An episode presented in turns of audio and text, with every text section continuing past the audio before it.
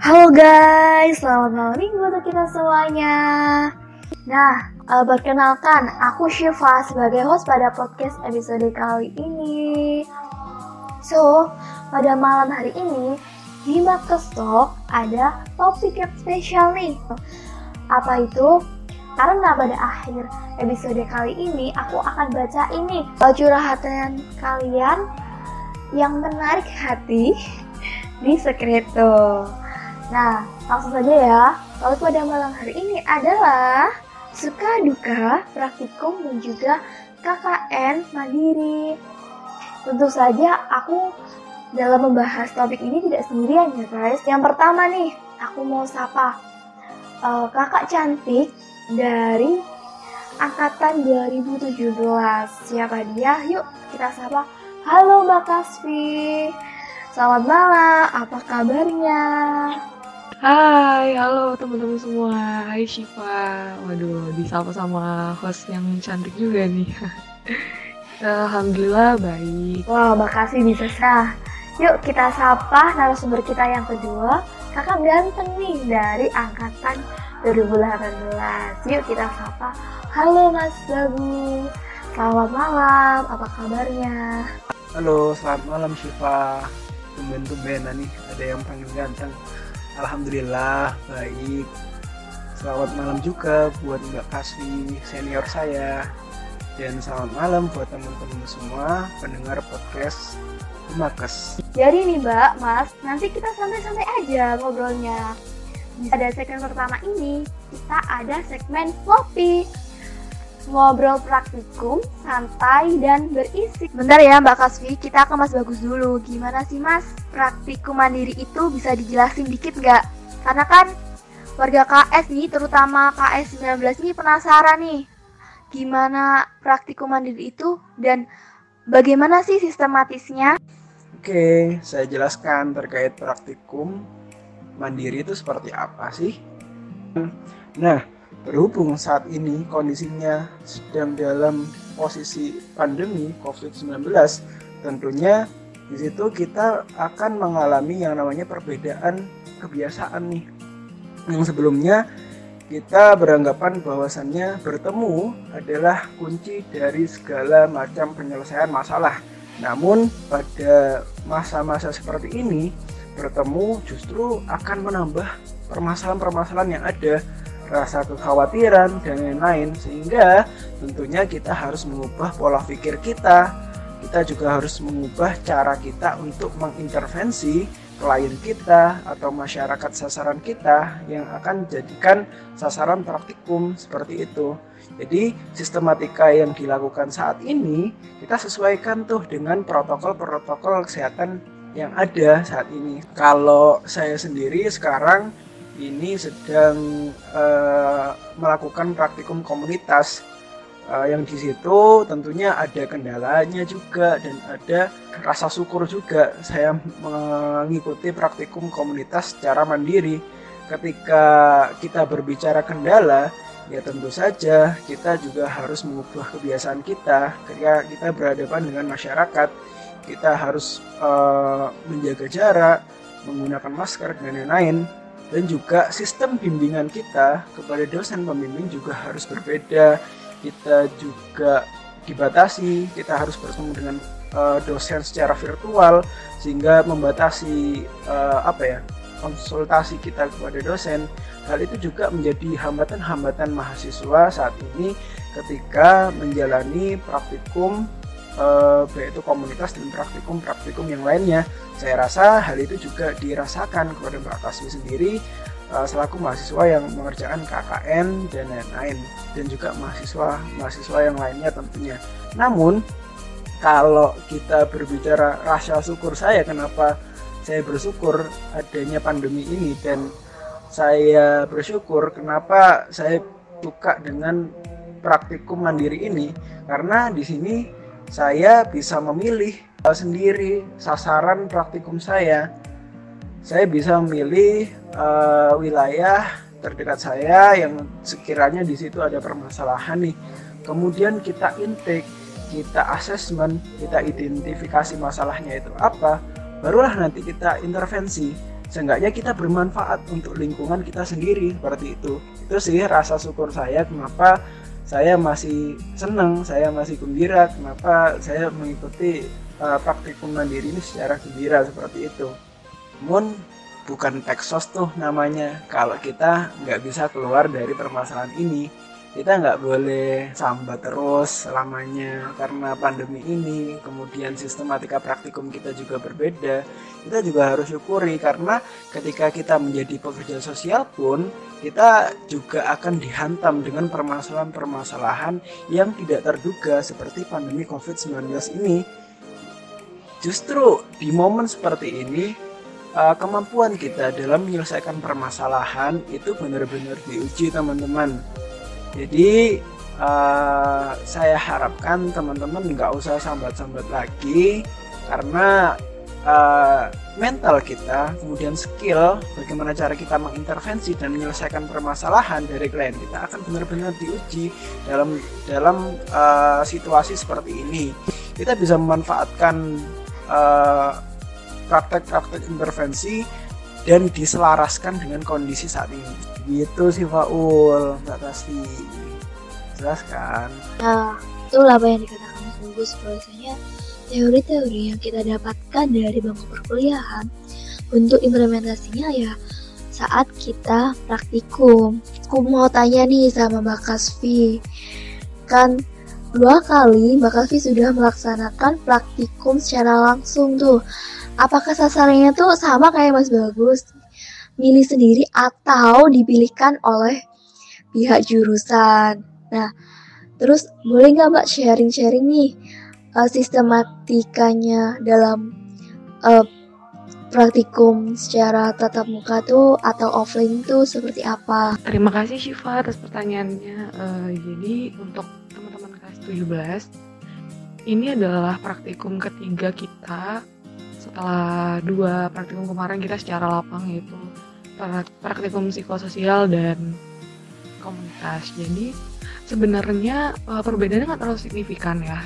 Sebenarnya tuh hampir sama. Kita juga tetap aja uh, benar yang dibilang sama si bagus tadi yaitu secara online, secara daring itu masih tetap uh, ketemu sama klien sasaran seperti itu kan. Nah sama sebenarnya untuk praktikum offline kita juga tetap terjun ke lapangan kita juga tetap menganalisis data uh, tetap ketemu sama klien ketemu sama sasaran. Bedanya memang uh, di wilayah masing-masing. Itu sih yang paling jelas kelihatan perbedaannya itu di wilayah masing-masing tersebut.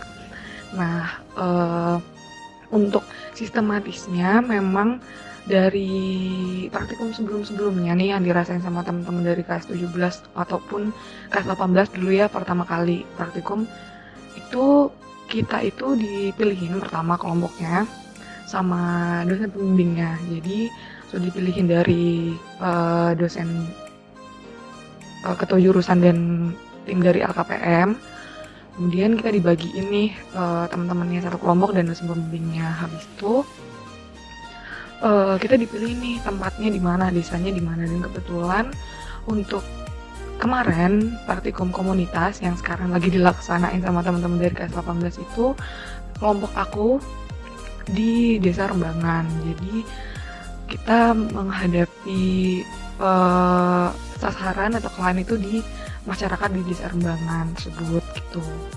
Jadi kebetulan memang kemarin itu uh, pada saat um, 17 itu melaksanain praktikum komunitas yang sekarang dilakukan sama mereka 18 uh, kebetulan dosen pembimbing aku itu Pak Budi. Halo Pak Budi. Semoga Pak Budi dengar podcast ini. Ya ya jadi uh, sistematisnya adalah Pak Budi ini menyuruh anak-anak bimbingannya yaitu uh, anak-anak ini disuruh memilih satu orang memegang satu komunitas gitu. Jadi itu yang membuat kita masih uh, ngerasa kita kita pertama kali nih kaget dong kok sedangkan kelompok lain satu sasaran kan satu komunitas. Sedangkan untuk uh, anak bimbingannya Pak Budi kemarin kendalanya adalah kita diwajibkan untuk satu orang satu individu itu satu kelai satu komunitas gitu kan.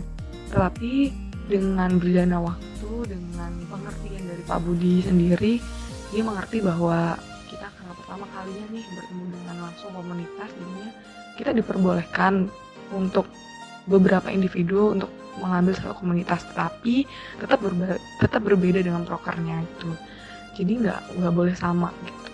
Ya inilah tantangan untuk teman-teman kelompok yang mungkin dari uh, anak bimbingannya Pak Budi kalau misalnya dengerin podcast ini semangat. Karena memang ada hikmahnya semua tuh pasti ada hikmahnya kok. Kalian jadi lebih mengerti gitu cara nanganin individu nih. Kita nih jadi kayak belajar gitu loh. Gimana sih caranya kita individu ngadepin nih komunitas? Karena kan gak mungkin dong pas nanti kita jadi peksos ya mungkin aja cuman amit-amit nih kita bener-bener sendiri nih jadi peksos dan kita harus nanganin uh, apa uh, satu komunitas yang wah gede gitu kan. Kita hanya sendiri dan kita udah terlatih nih dari praktik kita selama di kuliah kegiatan sosial ini. Sama seperti yang bagus tadi bilang bahwa uh, enaknya atau kelebihannya adalah kita bisa memilih wilayah uh, wilayah tempat kita praktikum sendiri gitu kan. Uh, karena kan yang tahu potensi desa kita yang tahu wilayah kita kelebihan kekurangan uh, desa kita atau lembaga yang kita uh, temui atau yang kita sedang analisisnya itu kita masing-masing kita sendiri gitu kan. Jadi mungkin kelebihannya itu. Gitu Shiva. Bagus. Dan teman-teman semuanya. Nah aku mau bertanya nih sama Mas Bagus. Kan tadi bilang bahwasanya kendalanya itu berkomunikasi dengan dosen. Kalau boleh tahu nih Mas uh, proses bimbingannya tuh seperti apa? Kalau ngomongin perbedaan ya pasti berbeda ya. Ada juga teman-teman yang masih uh, ada di Jember tuh, kemudian ada juga yang domisili Jember. Nah mereka juga bisa langsung komunikasi dengan dosen mereka secara tatap muka. Namun untuk mahasiswa-mahasiswa perantauan seperti saya, ini sistematikanya berbeda. Kalau dari media sendiri, media yang digunakan, misalnya kita menggunakan Google Meet ataupun kita menggunakan Zoom untuk uh, apa ya istilahnya kita diskusi dan melaporkan laporan kita terhadap apa yang sudah kita lakukan selama masa praktikum seperti itu. Ini pasti nih timbul pertanyaan di benak kalian. Dalam pelaksanaan praktikum online maupun offline, adakah perbedaan dalam pelaksanaannya dilakukan secara individu atau dilakukan secara kelompok. Untuk itu, boleh jelaskan sedikit Mbak, Mas, mengenai hal ini. Nah, gini sih Pak. Jadi, uh, setiap dosen itu mempunyai kebijakan masing-masing, termasuk untuk uh, sistematika bagaimana mahasiswa itu melakukan praktikum. Kalau dosen saya sendiri, itu uh, apa ya mengisyaratkan untuk mahasiswanya agar mencari komunitasnya masing-masing. Dan berhubung saya dalam satu kelompok itu eh, nggak uh, memiliki rekan sesama daerah jadi saya melakukan praktikum itu secara mandiri dari intake sampai terminasi seperti itu kalau dari saya sendiri sih. Namun kalau uh, dari teman-teman saya sendiri KS 18 itu ada tuh yang memang mereka berasal dari satu daerah. Misalnya Kediri tuh. Uh, mereka itu masuk dalam satu kelompok dan mereka memiliki komunitas sasarannya sendiri yaitu untuk teman-teman Kediri itu. Untuk pelaporannya juga mandiri dan untuk kegiatannya pun uh, mereka juga dianjurkan untuk bedakan antara kegiatan satu individu dengan individu yang lain seperti itu. Kalau sistematikanya tergantung yang pertama tergantung dosen pembimbingnya. Menurut Mbak Kaspi sendiri itu gimana Mbak? Ya pertanyaannya menarik nih Hiva ya jadi memang kita yang praktik melaksanakan praktikum secara daring ini secara online ini lagi-lagi kan kita mau nggak mau memang di tempat masing-masing ya di tempat wilayah masing-masing uh, ya untuk yang bisa pulang itu di tempat masing-masing gitu kan. Yang untuk memang tidak bisa pulang ya tetap di Jember tetap di Jember saja gitu kan. Nah uh, beberapa dari teman-teman aku dari teman-teman S17 memang ada yang berkelompok dan ada juga yang individu gitu. Jadi contohnya aku nih aku nih individu. Jadi uh, aku ada sama temen aku satu orang dari wilayah yang sama ya kebetulan aku dari Kalimantan Timur. Kalau yang belum tahu hai teman-teman Kalimantan Timur. Aku dari Kalimantan Timur. Jadi aku praktikum dan KKN juga di Kalimantan Timur. Itu aku berdua sama satu temanku tapi tetap lagi-lagi kita di satu lembaga yang sama tetapi berbeda proker gitu kan. Nah untuk beberapa teman-teman aku di KS17 itu ada yang masih stay di Jember dan itu mereka tetap satu kelompok tapi sama aja tetap berbeda-beda prokernya Menurut Mbak Kasvi sama Mas Bagus ini, itu apa saja yang harus dipersiapkan? Apakah ada perbedaan dalam persiapan praktikum online dan juga praktikum secara offline atau terjun lapangan? Nah, kalau persiapan selain kuota data, ya tentunya kita harus siap dengan data-data yang akan kita nantinya presentasikan kepada dosen pembimbing dan kita juga harus siap mental. Uh, misalnya nanti dosen pembimbing revisi terhadap laporan kita. Juga kita juga harus benar-benar siap mental untuk dihujat ataupun disalah-salahkan. Namun uh, tentunya uh, hal itu untuk membangun kok Siva agar laporan kita, agar praktikum kita nantinya juga terarah seperti itu jadi kalau menurut saya itu sih yang harus disiapkan dalam uh, ketika kita nantinya mau konsultasi dengan dosen pembimbing gitu. Kalau Mbak, menurut Mbak Kasih sendiri ini seperti apa?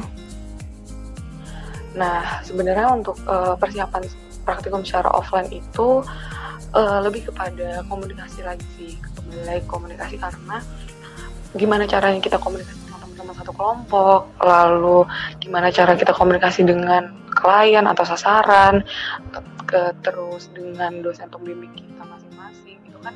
Lagi-lagi balik ke kita, gimana cara kita ngomong, bagaimana cara kita komunikasi yang baik dan benar, itu persiapan yang mungkin nomor satu gitu kan, soalnya kan memang di akhir pun nanti kita ada ujian lisan, ujian lagi-lagi yang ngasih nilai adalah dosen pembimbing gitu kan, jadi uh, komunikasinya gimana gimana nih?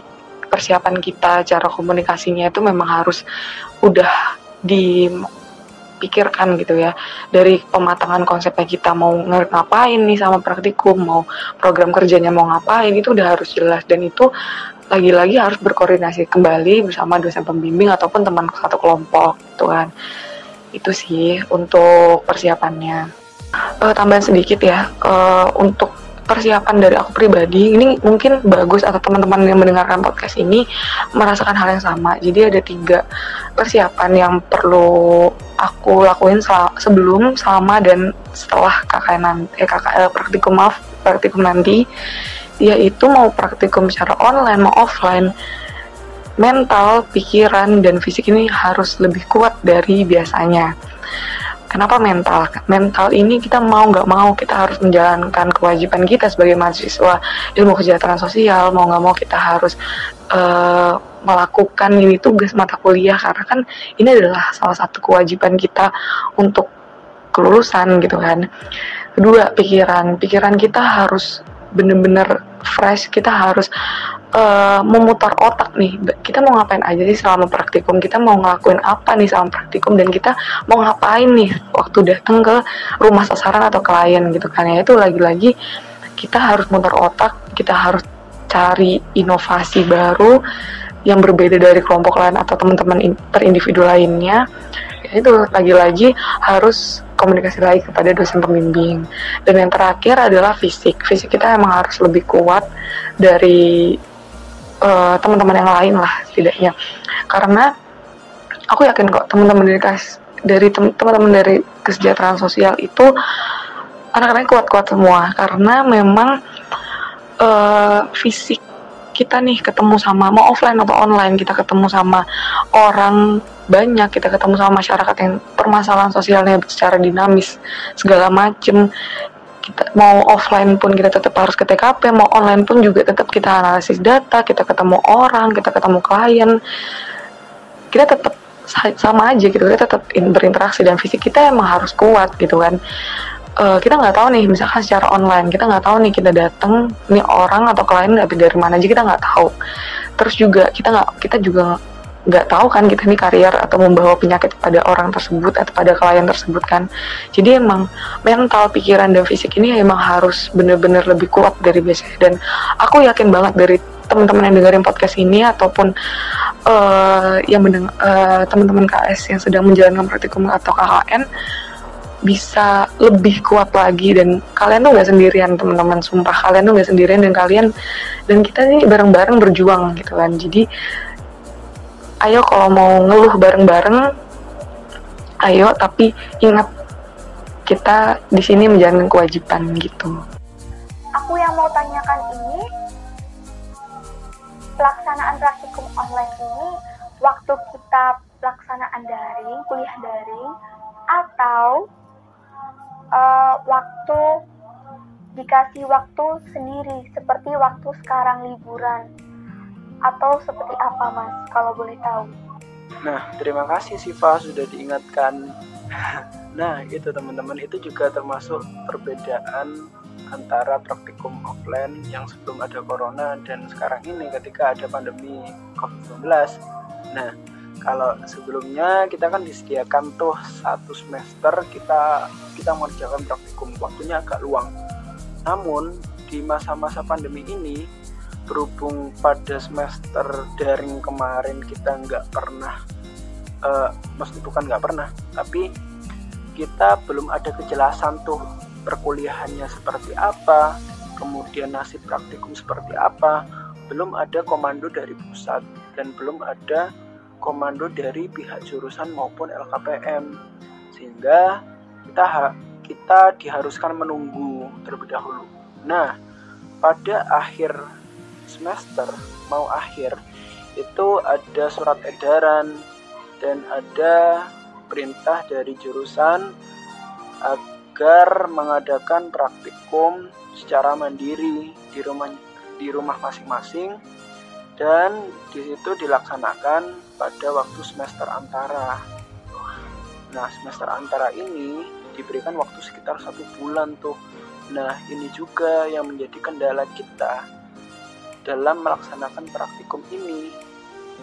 Yang biasanya kita disediakan waktu sekitar 4 bulan sampai 5 bulan dalam melaksanakan praktikum di masa-masa sebelum pandemi, kita di pressure sekarang kita pressure kita ditekan kita harus menyelesaikan praktikum dalam jangka waktu yang singkat satu bulan nah ini dirasa uh, kurang efektif ya kalau saya rasa gimana nih menurut Mbak Kaspi sendiri? Iya setuju banget sama Bagus karena kendala ini jadiin tantangan aja lah gitu kan. Walaupun nggak nggak munafik juga aku pasti pernah mengeluh. Mungkin dari teman-teman yang mendengarkan podcast ini juga pasti mengeluh nih dengan adanya uh, pandemi ini jadi praktikum ataupun KKN juga secara online gitu kan. Susah untuk mendapat feelnya jadi ya udah nggak apa-apa. Kita mengeluh tapi lagi-lagi kita bersyukur aja. Pasti semuanya ada hikmahnya kok nah benar guys apa yang telah dikatakan Mbak Kaspi sama Mas Bagus di balik kesulitan atau hambatan di tengah pandemi ini kita patut bersyukur mungkin kita dicoba di sini adanya situasi kondisi seperti ini, mental kita, fisik kita makin ditempa, makin matang dan makin bisa terjun lapangan situasi dan kondisi apa pun itu. Terima kasih untuk Mbak Kaswi dan juga Mas Bagus untuk sharing mengenai praktikum. Nah, ini pertanyaan terakhir mengakhiri segmen pertama ini. Sharing-sharing dong Mbak, Mas, pengalaman yang paling menarik dan paling apa ya sampai sekarang itu masih terpikirkan di benak sama Mas mungkin karakter dari atau budaya dari masyarakat yang pernah Mbak sama Mas datengin atau seperti apa? Silahkan Mbak Mas. Oke, jadi uh, sebenarnya ini bukan cerita menarik ya, tapi aku mau sedikit cerita aja.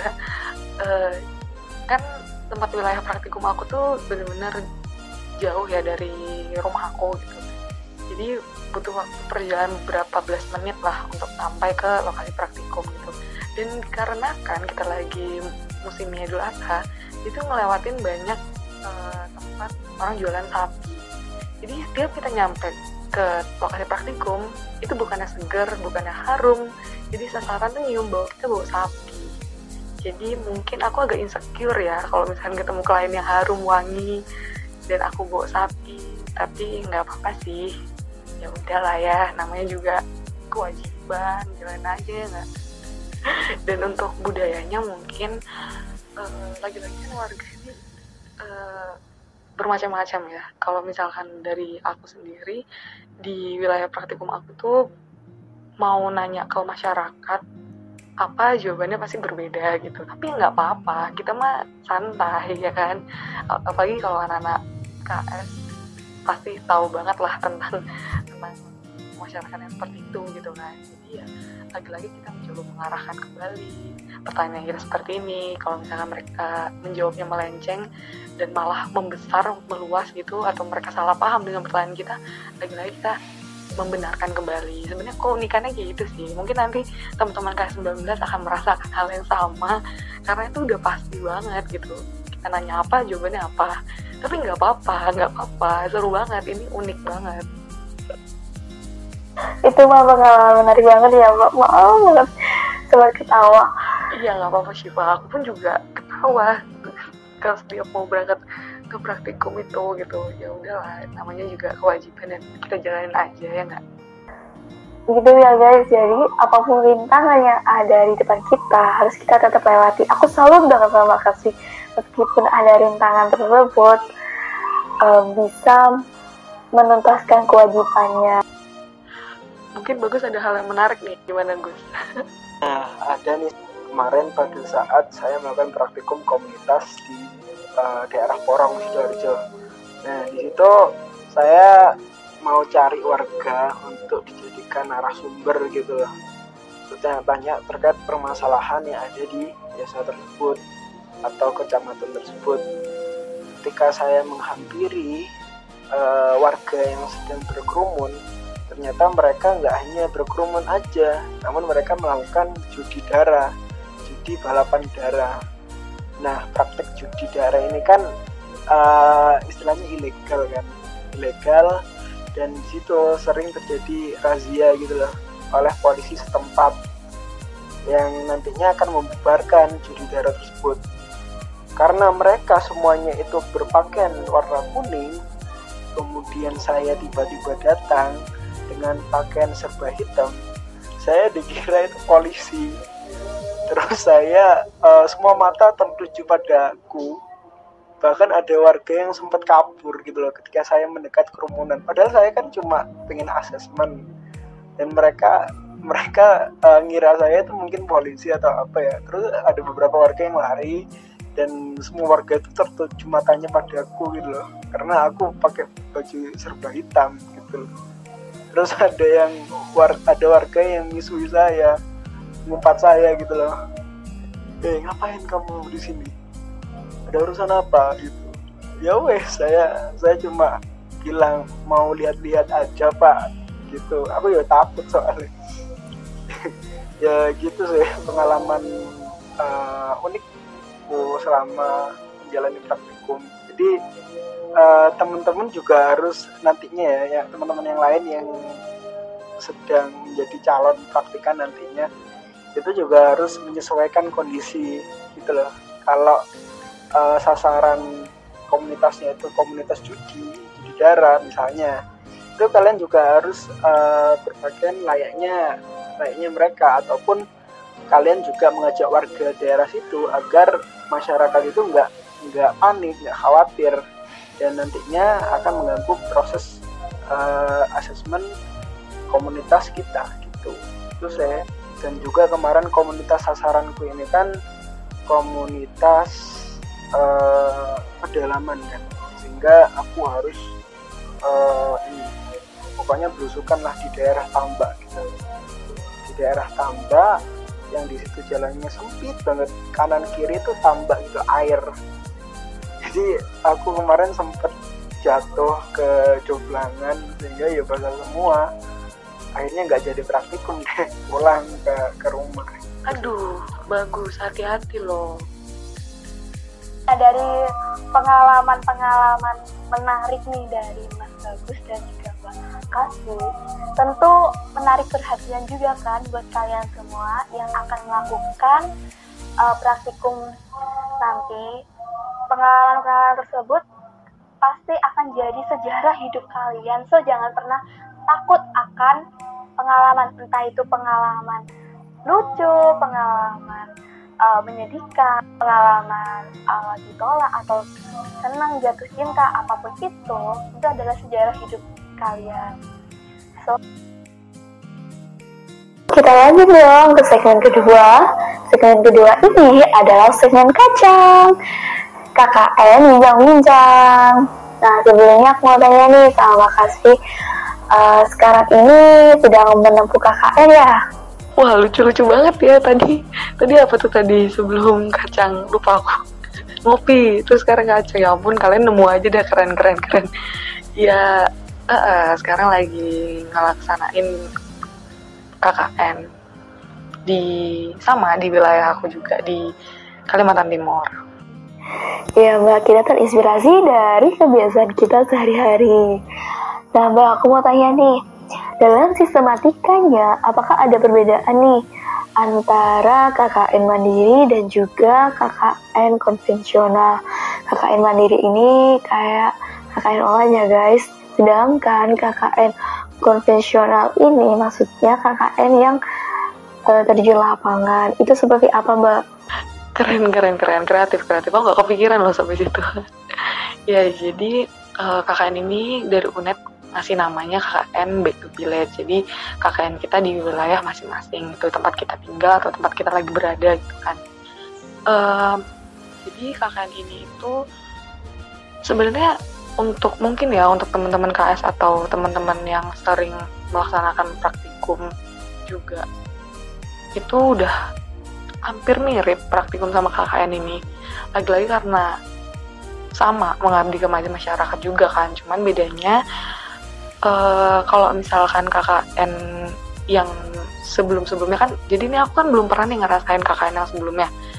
Jadi mungkin feelnya biasa aja sih untuk melaksanakan KKN secara online ini. Karena kan uh, kita belum tahu nih teman-teman dari angkatan 2017 belum tahu nih KKN yang sebenarnya benernya itu seperti apa. Jadi kalau aku pribadi tuh feelnya ya biasa aja nggak nggak nggak yang aduh uh, enak banget deh kayaknya KKN yang sebelumnya gitu kayak gini-gini segala macam. Gak sih kalau aku pribadi uh, biasa aja untuk KKN secara online ini gitu kan. Dan memang kelebihan dan kekurangannya juga setiap kegiatan pasti ada kelebihan dan kekurangannya kan. Dan itu pastinya mau praktikum atau KKN pasti ada Ya, jadi ini uh, sharing sedikit ya uh, untuk teman-teman kelas 18 atau kelas 19 yang nantinya akan melaksanakan KKN walaupun kita nggak tahu kalian bakal offline atau online juga gitu kan. Jadi uh, UNED ini memberikan nama yaitu KKN Back to Village ya karena kan kita di wilayah masing-masing ya. Dan UNED ini memberikan lima tema. Jadi salah satu temanya adalah inovasi pendukung pembelajaran anak sekolah saat COVID-19. Nah, kenapa aku memilih tema inovasi pembelajar, pendukung pembelajaran anak sekolah saat COVID-19 karena uh, yang kita tahu bahwa masyarakat ini kan saat pandemi COVID ini banyak banget timbul masalah dari kesehatan, wirausaha, sampai ke pendidikan gitu kan. Nah ini jadi tantangan baru gitu loh buat aku pribadi memilih inovasi pendukung karena kan kita yang tadinya sering berinteraksi dengan guru atau dosen terus tiba-tiba uh, langsung daring gitu secara daring gitu yang memang benar-benar kita nggak ketemu sama orang-orang. Dan ini jadi tertantang gitu buat teman-teman yang memilih uh, tema pembelajaran ini dan aku pribadi yang memilih ini. Jadi karena aku alhamdulillah sekali tertantang jadinya seneng gitu. Apalagi seneng banget ngeliat anak-anak kecil yang belajar gitu kan. Dan saat memilih ini ternyata memang cukup sulit karena ternyata bukan anak-anak muridnya yang harus diajarkan tetapi gurunya yang kita latih tuh ya menurut Mbak Mas mengenai isu-isu yang ada di sosial media. Seperti ini aku pernah baca KKN Ajang Cari Jodoh. KKN itu untuk liburan. Jadi kita tuh hanya menginap atau nih KKN ini untuk menuntaskan kewajiban saja atau ada lagi yang bilang KKN ini tuh uh, kita hanya memberikan suatu karya kayak kenang-kenangan seperti brosur, banner, bukan mencari permasalahan yang real. Jadi kita hanya mengasih uh, suatu pemecahan yang hanya sementara gitu. Atau nih ada lagi kayak cerita horor mengenai KKN Desa Penari.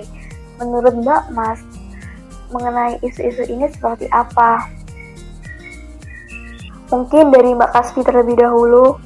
Nah, kalau misalkan isu seperti itu benar-benar itu hanya isu sih karena yang aku rasain nih ya karena aku lagi merasakan namanya KKN Back to Village atau KKN Mandiri ini itu jauh banget sama ekspektasi atau isu yang barusan tadi Shiva omongin karena kita ini bener-bener sama aja gitu terjun ke masyarakat kita bener-bener sama aja berinteraksi sama orang tapi lagi-lagi tetap dalam protokol kesehatan ya.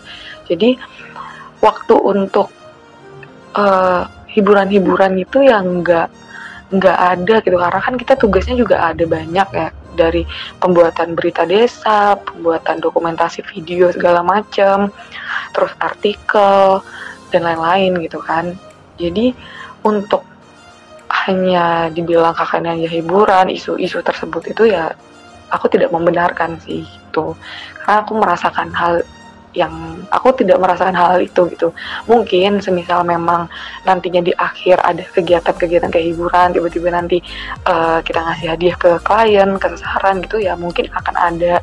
Karena kan bentuk terima kasih kita gitu kepada klien atau sasaran. Seperti itu Shiva benar apa yang dikatakan Mbak Kasih.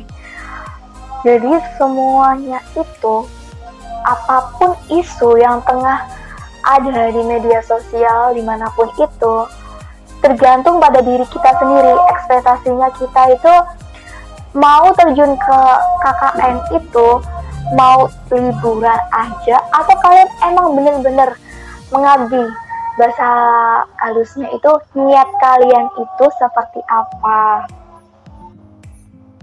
Bener banget Syifa. Sebenarnya menurut Mas bagus mengenai isu-isu tersebut Silahkan Mas. Nah, banyak banget nih isu-isu tentang KKN. Saya juga sempat mengikuti pemberitaan yang kemarin, pemberitaan tentang KKN Desa Penari, ataupun dalam KKN kita rawan banget untuk cinlok atau seperti apa. Karena di FTV FTV itu banyak gitu lah yang menyiarkan adegan ketika mahasiswa KKN terus mahasiswa itu cinlok gitu loh. Namun tidak menyertakan uh, substansi dari KKN itu sendiri. Banyak sekali film maupun sinetron yang menyiarkan KKN namun dikemas uh, segi cintanya ataupun dari segi horornya aja gitu tanpa mencantumkan esensi dari KKN itu sendiri. Nah bener banget katanya Mbak Kasvi bahwasannya ya tergantung dan dikembalikan kepada niatnya masing-masing niat kita untuk memberdayakan masyarakat, niat kita untuk menyelesaikan permasalahan sosial, niat kita untuk uh, belajar pada masyarakat, niat kita untuk membantu masyarakat juga tergantung niat kita. Apakah niat kita seperti itu ataupun niat kita hanya untuk bekejekan aja ataupun niat kita hanya sekedar sebagai formalitas biar kita dapat ijazah. Kan bukan bukan seperti itu kan esensi dari KKN yang sebetulnya. Nah ya uh, semoga saya sendiri nantinya juga mendapatkan feel KKN yang sebetul-betulnya gitu lah yang serilnya KKN seperti yang sudah dilakukan oleh Mbak Kaspi uh, saya sangat tidak sabar ya uh, menantikan masa-masa KKN nanti. Kelihatannya seru deh kita lanjut ya Mbak. Aku mau tanya nih sama kasih contoh program apa yang Mbak terapin saat KKN Mandiri. Kan tadi Mbak kan sudah mengatakan idenya.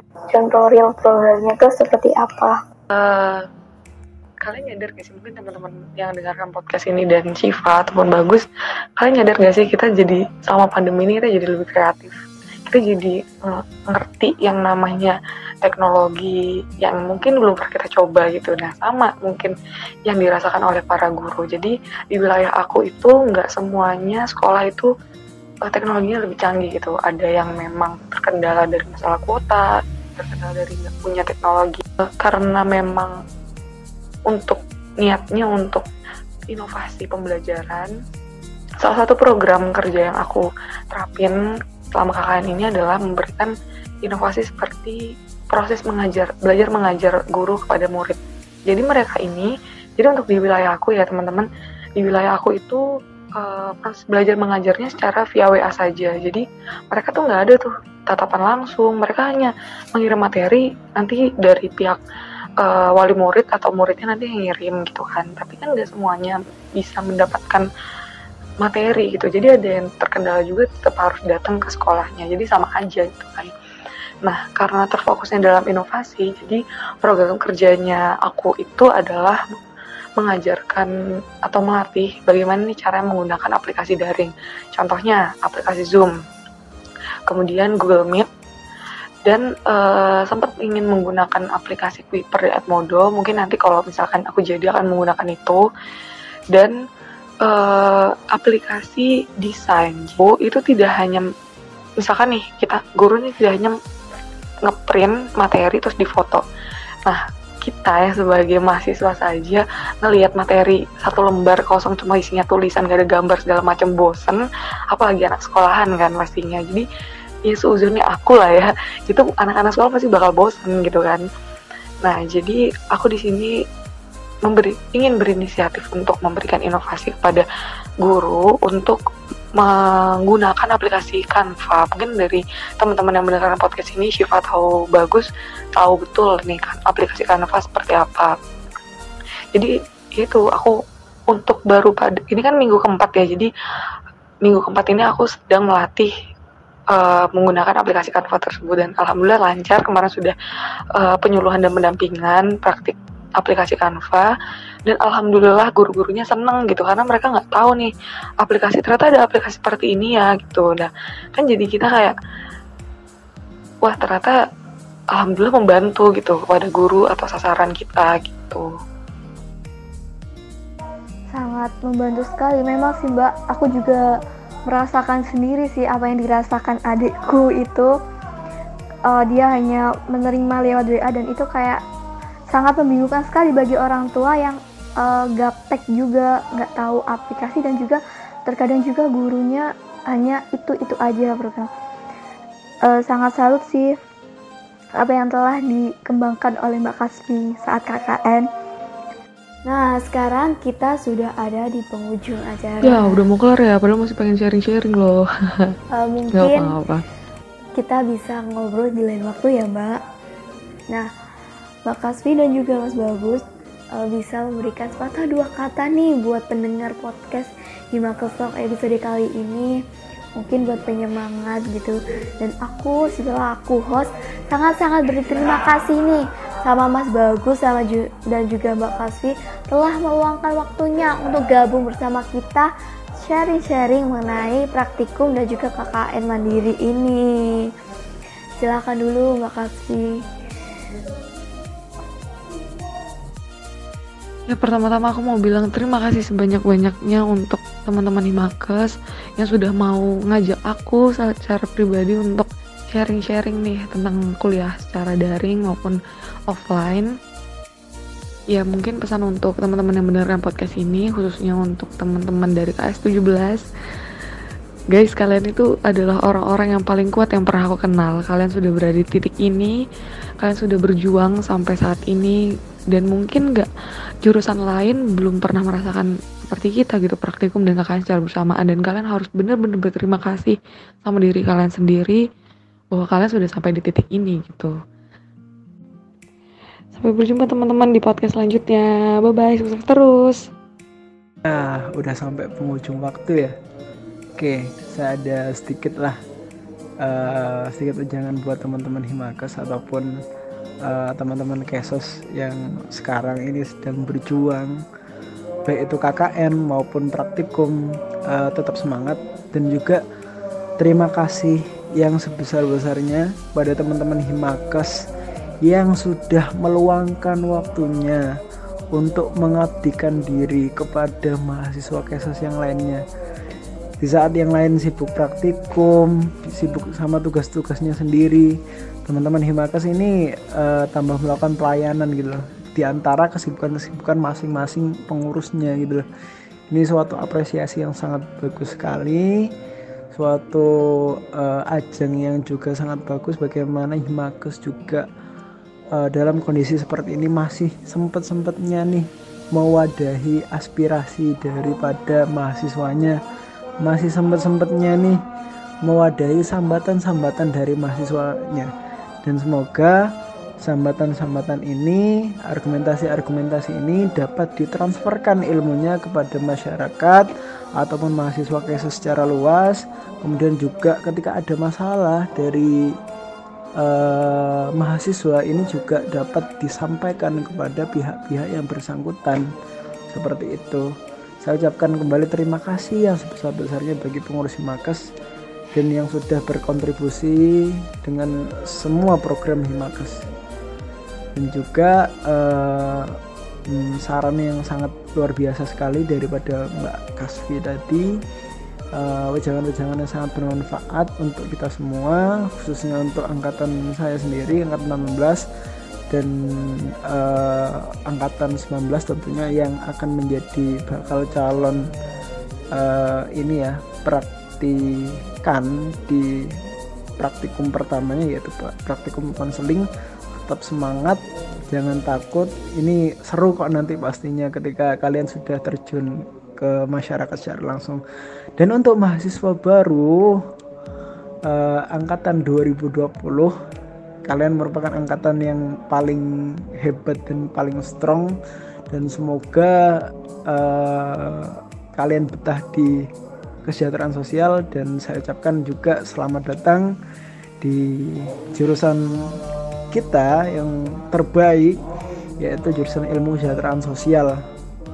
Uh, semoga um, bisa betah dan dapat melanjutkan tongkat estafet kesejahteraan sosial dengan sebaik-baiknya. Uh, begitu saja mungkin dari saya. Terima kasih juga, terima kasih lagi dan terima kasih yang sebaik-baiknya untuk semua orang yang terlibat di sini. Terima kasih. Uh, Wassalamualaikum warahmatullahi wabarakatuh. Waalaikumsalam. Mas Bagus dan juga Mbak Kaspi. Sampai jumpa. Sesuai janjiku di awal ya, aku akan baca ini curahan hati kalian yang menarik nih di Skreto. Oke, kita mulai ya. Aku nggak tahu ya guys, ini yang pertama ini puisi atau pantun. Yuk kita baca aja. Hawanya dingin banget. Untung udah biasa kedinginan gara-gara sikapnya dia. Nih aku mau tanya, dinginan mana sikapnya dia atau sikapnya dosen nih yang lagi kasih nilai? Yang kedua juga sama nih, apa nih? Bayang no, kowe goncengan karo doimu, terus gak sengojo nyemplung got. Bayang no se, misoe keri. Terus dijawab ya dia, gak duwe doi, gak iso bayang no yo. Jadi gini rek, yang gak tahu bahasa Jawa ini, aku translatein. Bayangkan, kamu boncengan sama doimu, terus tidak sengaja kamu nyebur tuh ke got. Bayangkan saja, ngumpatnya belakangan. Terus dijawab, kalau nggak punya doi, berarti nggak bisa bayangin gitu. Yang ketiga nih, wah semangat pengurus Himakes 2020 ada emotnya love, ada komentar juga nih. Aku padamu emotnya dibalik love juga. Aku juga kok. Semangat juga kamu. Terus ada lagi nih buat Mas Wahyu. Mas Wahyu, kamu semangatku. Diam-diam loh. Wah, emot penuh cinta ini. Terus ada juga di komen nih. I love you Mas Wahyu. Terus ada lagi Mas Wahyu, kabit eksternal, uns comel, wah udah, wah. Ungkapan cinta ini mas, dibalas ya mas. Terus ini ada lagi, kamu yang ada di angkatan 18, capek tahu ngekode terus dari semester 3, wah lama banget ya ini. Terus di komen, to the point dong, jangan kode-kode. Iya mungkin karena nggak bisa ngertiin kode-kode kita, dia perlu tuh to the point. Jadi jangan main kode-kodean juga ya guys. Kita bukan main pramuka. Nah, udah guys, aku udah baca ini uh, komen curhatan kalian.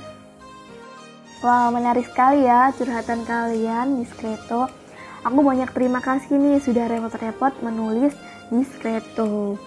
Dan mohon maaf apabila kita tidak membacakan semuanya gitu tapi uh, curhatan kalian itu menarik-menarik semuanya sampai kita bingung mana yang harus kita bacakan. Nah, apabila aku ada salah kata, aku mohon maaf sebesar-besarnya.